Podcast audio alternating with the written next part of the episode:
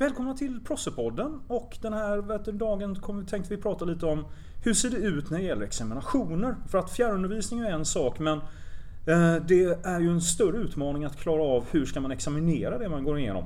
Och då har vi Ann, vår hjälte och rektor här. Hej, tack så Hej. mycket.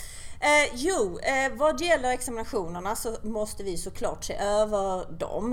Eh, vi vet ju inte hur länge det här kommer pågå. Vi, det är ju inte helt, det är inte karantän, så det är inte helt stängt skola heller. Men eventuellt kan det finnas möjligheter att ta in mindre grupper. Eh, så allt det här får vi eh, se över och vi kommer ju komma ut med löpande information i takt med att vi, vi får bättre grepp om situationen. Mm.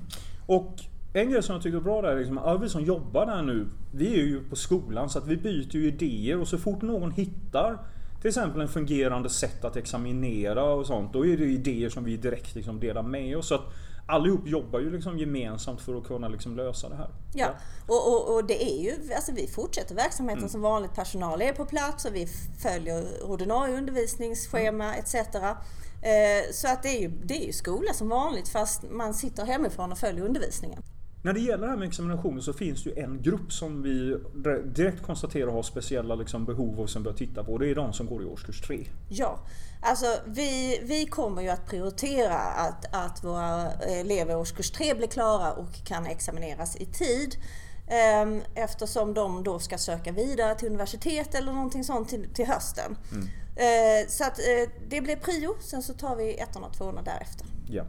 Och det är så att i dagsläget kan ju inte vi säga någonting alls om hur examinationer kommer att ligga tidsmässigt sett utan man får ju nästan planera om efter varje vecka som går och se vad det som är. Och det kan ju också vara så att examinationer kanske hamnar i början på nästa termin. Exakt. Vi vet ju inte heller om det är så att det är många som kommer insjukna och mm. däribland folk, alltså personal.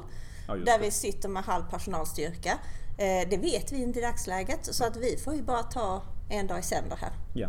Och sen vet man ju det också som lärare med att det är ju det är sån vet du, spännvidd när det, gäller, när det gäller examinationer. Att muntliga presentationer, den enda liksom möjligheten där ungefär är videoinspelningar hemma och de bör snarare vara på plats. Medan att du skulle kunna ha inlämningsuppgifter som ändå gör så att varje ämne ställs inför väldigt speciella utmaningar där. Ja, precis. Och en sak som jag tycker är skönt i det hela, vi har kommit ganska långt in mm. på läsåret. Så där finns i många ämnen rätt mycket underlag redan. Ja. Så det känns väldigt skönt. Mm. Så, men sammanfattningsvis på det här att eh, det är en utmaning och vi tittar på det och vi är väldigt medvetna om att just årskurs 3 behöver speciell uppmärksamhet här. Ja. ja.